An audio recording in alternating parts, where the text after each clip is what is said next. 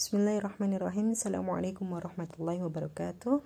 Innalhamdulillah Nahmaduhu wa nasta'inuhu wa nasta'gfiruh Wa na'udhu billahi min syururi anfusina Wa min sayyati a'malina. Man yahdillahu falamudillalah Wa man yudlil falahadiyalah Alhamdulillahi rabbil alamin. Di kesempatan pada malam hari ini InsyaAllah kita akan berbicara tentang Mengenai adab dalam berbicara. Sebagaimana yang pernah diajarkan Luqman kepada anaknya Yaitu Jangan berbicara keras seperti keledai karena seburuk-buruknya suara itu adalah suara keledai. Tapi ada yang sangat lebih buruk yaitu ketika ada suara yang lebih buruk daripada keledai. Siapa itu adalah mereka yaitu orang yang berbicara keras.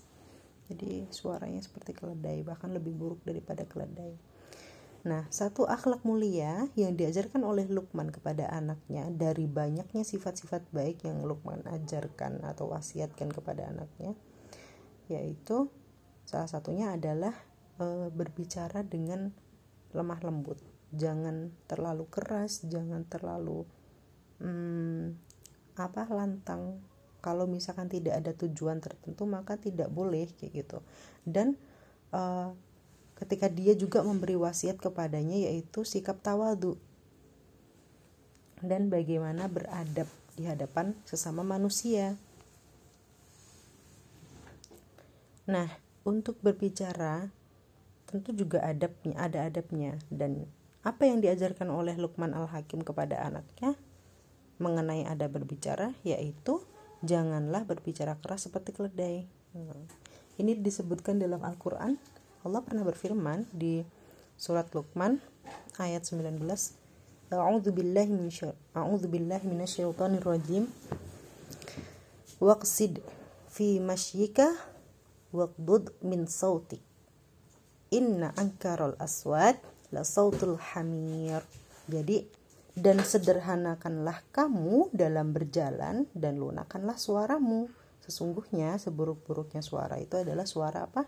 Suara keledai. Nah, maksudnya berjalan dengan dan lunak apa? Sederhanakanlah kamu dalam berjalan dan lunakanlah suara, suaramu. Ya.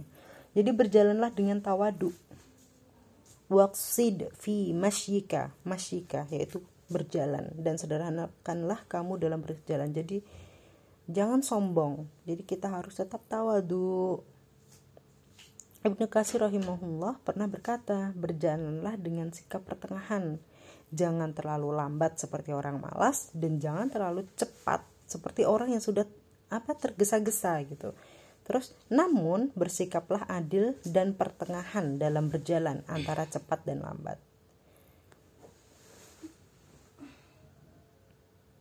Hmm.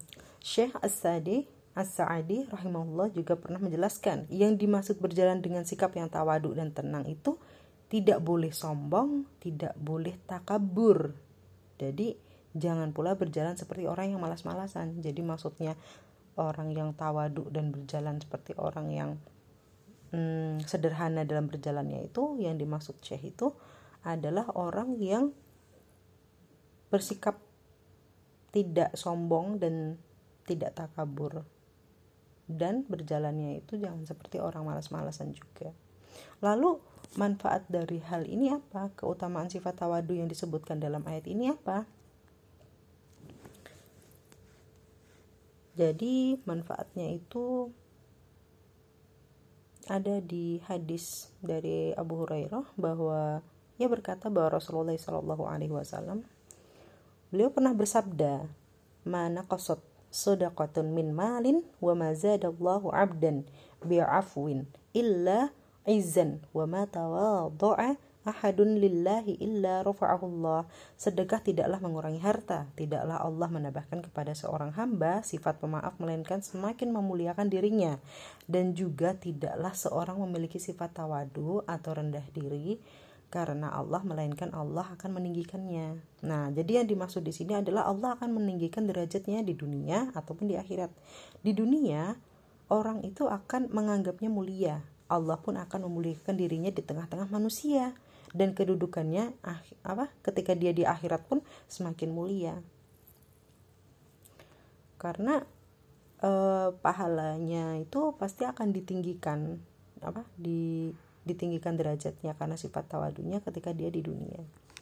Nah, Ibnul Jauzi juga pernah berkata, berjalannya berjalanlah bersikap pertengahan. Jangan terlalu cepat-cepat seperti orang tergesa-gesa dan jangan terlalu pelan seperti uh, orang yang malas dan jangan bersikap seperti orang sombong.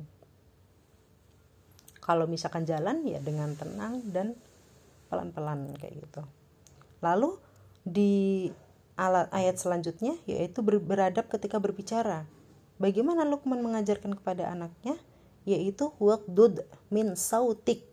Jadi lunakkan suaramu. Kenapa?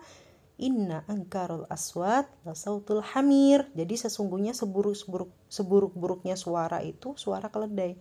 Tapi ada yang lebih buruk daripada suara keledai yaitu orang uh, yang suaranya itu keras gitu jadi apa-apa teriak-teriak apa-apa teriak. Padahal sesuatu yang masih bisa didengar dan diobrolin secara pelan-pelan itu bisa tapi nggak harus pakai teriak-teriak gitu. Bahkan kalau misalkan orang lagi ngobrol seolah-olah dia ini seperti orang yang marah-marah gitu. Padahal aslinya kan ngomong baik-baik juga bisa gitu.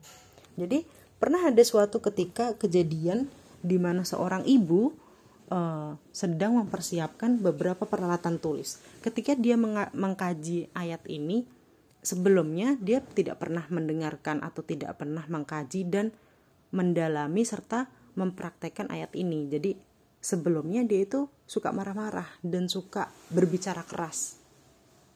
Kalau misalkan anaknya bilang, e, "Mama, bolpen aku di mana? Tas aku di mana?" Dia selalu ter, selalu apa marah. Kamu udah dijelasin di gini gini gini.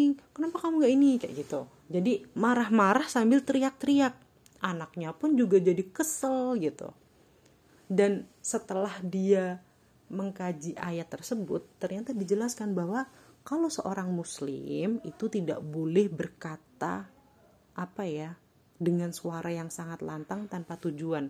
Kalau misalkan ada tujuan tertentu, misalkan nih, kalau jadi seorang tentara harus suaranya harus lantang karena kan dari ujung ke ujung mungkin jaraknya jauh, terus harus apa ya, dididik dengan tegas jadi orang yang bisa menjaga negara gitu.